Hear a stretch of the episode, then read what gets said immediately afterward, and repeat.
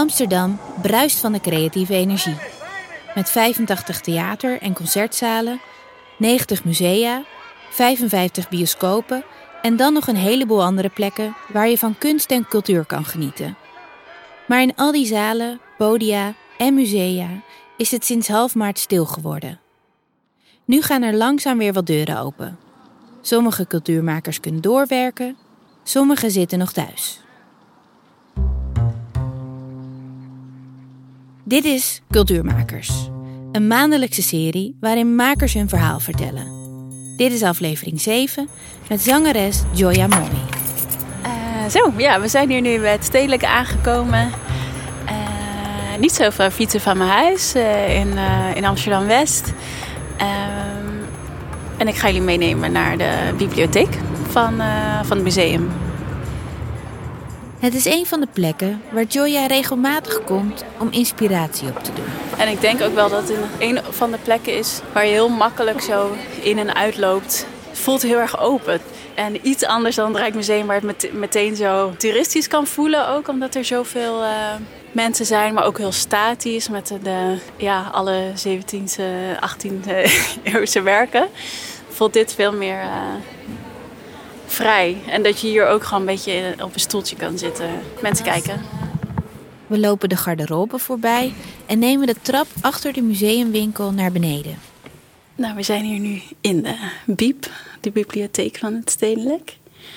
En dit is wel een van de, de plekken waar het eigenlijk het leukste is om research te doen voor nieuw werk.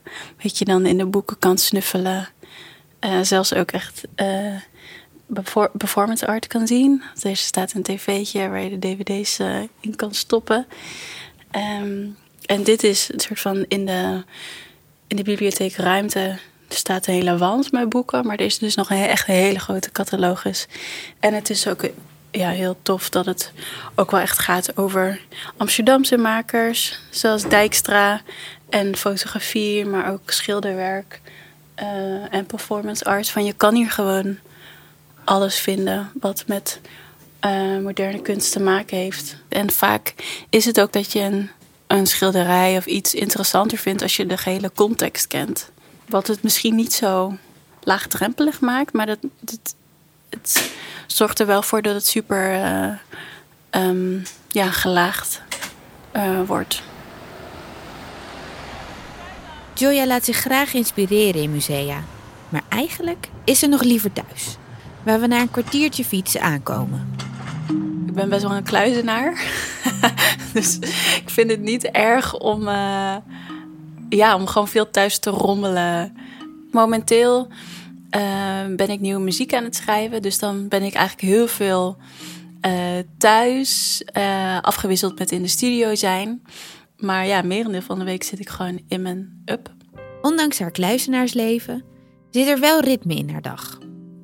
Nou, mijn vriend zet de wekker. Want uh, hij is wel echt een, uh, een uh, structureel vroeg opstaan persoon. En al volg ik hem zo langzaam. een soort van hij ontbijt, dan ontbijt ik ook. Zo mimic alles wat hij doet, bijna. En dan begin ik met mails. En daarna ga ik schetsen doornemen. Ze doet dit in haar eigen studio en huis. Dit is mijn kantoor. Het is een ruimte ter grootte van een kleine slaapkamer. Met kunst aan de muur, een foto van haar familie, een bos bloemen op haar bureau. Daar is de, de keyboard. Ik heb ook nog een microfoon. Die staat denk ik nu in de slaapkamer, dat ik soms ook s'nachts een idee heb.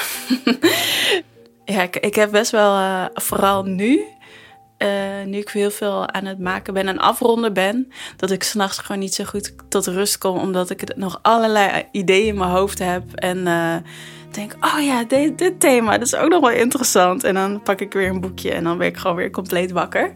Maar ze pakt dus ook af en toe s'nachts in bed haar microfoon erbij. En haar vriend wordt er gelukkig niet wakker van. Ja, hij slaapt heel vast. dus hij heeft er weinig last van. Uh, ja, nee, dan. dan uh, en het, het, ik hoef het ook niet super hard te zingen. Want uh, gewoon als ik heel zachtjes zing en het is gewoon muisstil in huis, dan, uh, dan hoor je het gewoon nog heel goed. Joya was zo stoer om een van haar nachtelijke voice memo's met ons te delen. Als je goed luistert, hoor je dat haar vriend toch even wakker wordt. Ja,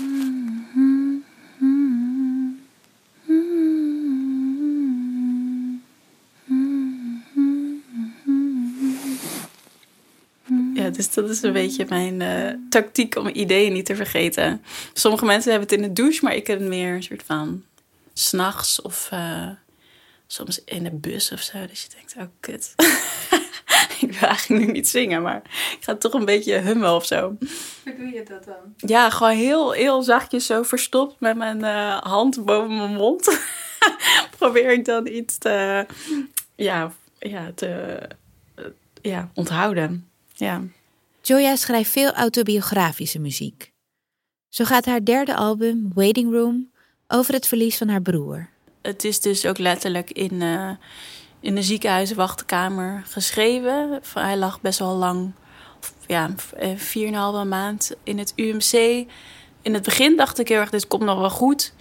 Maar zijn situatie verslechterde met de maand.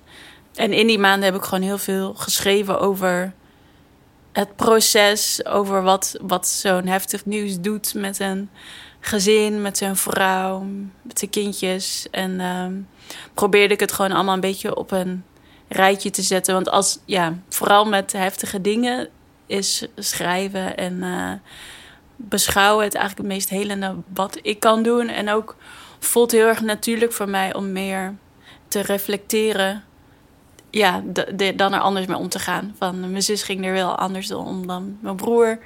En ik zit voornamelijk gewoon te, in een hoekje te, te pennen. Op het moment van schrijven had ze nog geen idee dat dit een album zou worden. Nee, nee, nee, helemaal niet. Van, ik was echt meer aan het schrijven om uh, mijn hoofd een beetje koel te houden. Omdat het, het was, het was zo'n... Uh, het was zo'n verschrikkelijke uh, nachtmerrie. Dus, uh, en het, de, de ene dag met de arts was, was het weer veel meer hoopvol dan de vorige dag. En dan. Ja, nee, het was, het was gewoon verschrikkelijk. Dus ik, ik, ik, ik had een manier nodig om, om dingen op een rijtje te zetten. Elk nummer op het album is een hoofdstukje van deze periode waarvan het nummer I'm Not There Yet een van de belangrijkste is. Als ik gesprekken had van, eh, met mensen van hoe gaat het met je, hoe, hoe, eh, wat maak je door, uh, ben je heel erg geneigd om te zeggen, ja, het gaat wel oké. Maar wat ik toen probeerde te zeggen vaak was, ja, ik ben er nog niet helemaal. Ik ben gewoon nog aan het uitzoeken wat het allemaal betekent. Want het gaat niet goed, het gaat niet super slecht, maar ik weet het gewoon nog niet helemaal. Uh, en die, uh, die soort twijfel of die, de, die vraagtekens, daar, daar mogen denk ik wel meer, soort van, meer ruimte voor komen in het leven.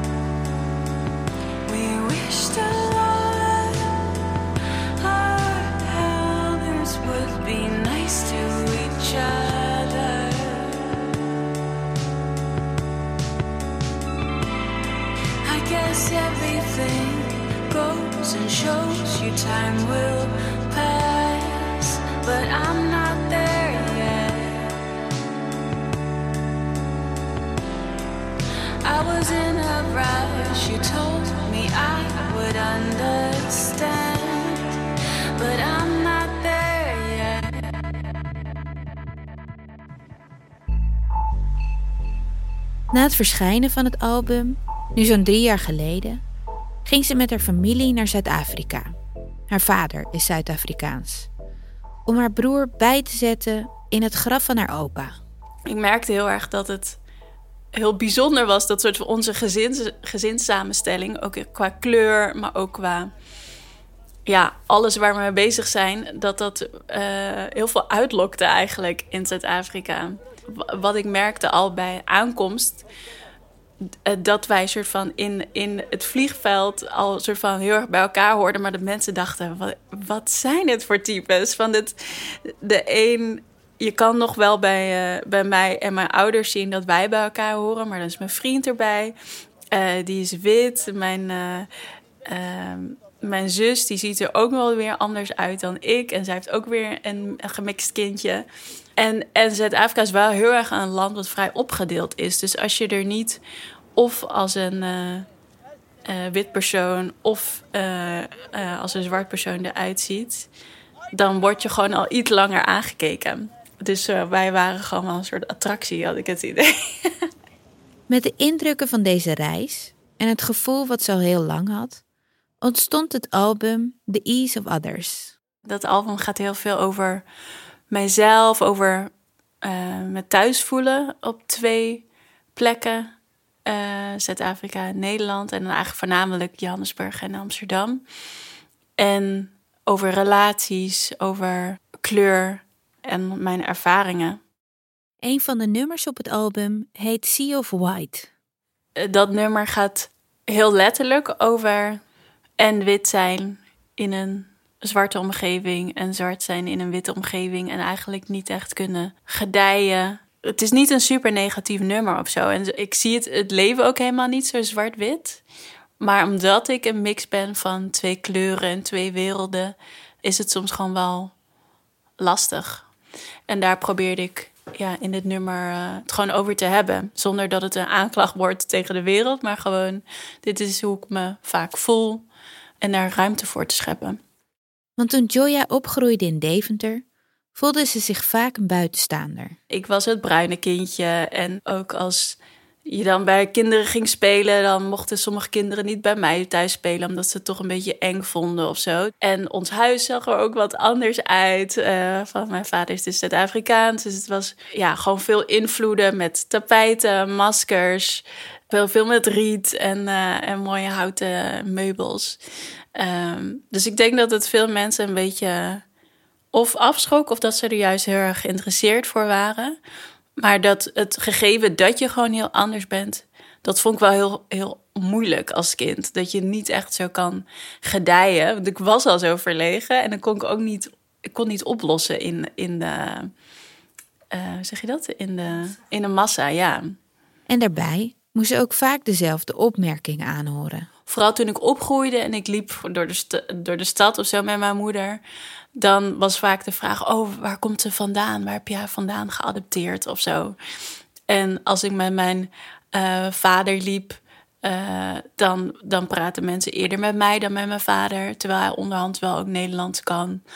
Ik heb wel heel veel van die die opmerkingen moeten of uh, gekregen, waardoor die, die zitten wel heel erg in mijn systeem.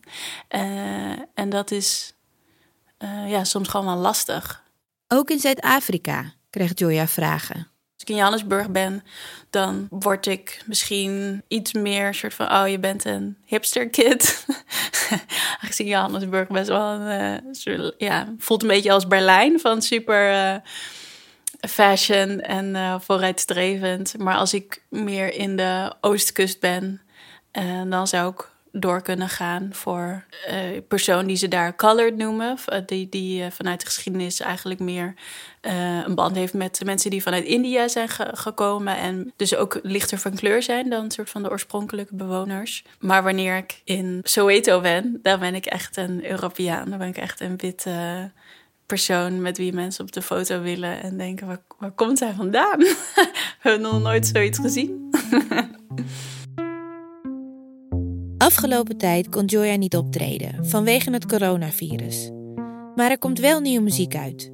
Zoals laatst de single Hold You Tight, waarin ze zingt over het gevoel dat je de goede dingen in het leven niet verdient. En op 3 juli komt het nummer Bitter Parts uit, over het onder ogen komen van je eigen imperfecties. Benieuwd geworden naar Joya's muziek? Of wil je weten wanneer je haar weer kunt zien optreden? Houd onze site in de gaten. Dit was Cultuurmakers, een podcast van Uit in Amsterdam, de culturele uitagenda van Amsterdam en omgeving. Interview en montage Babette Rijkoff, techniek Arno Peters. Wil je meer verhalen van cultuurmakers? Kijk dan op iamsterdam.nl/slash uit. Volgende maand een nieuwe aflevering. Tot dan.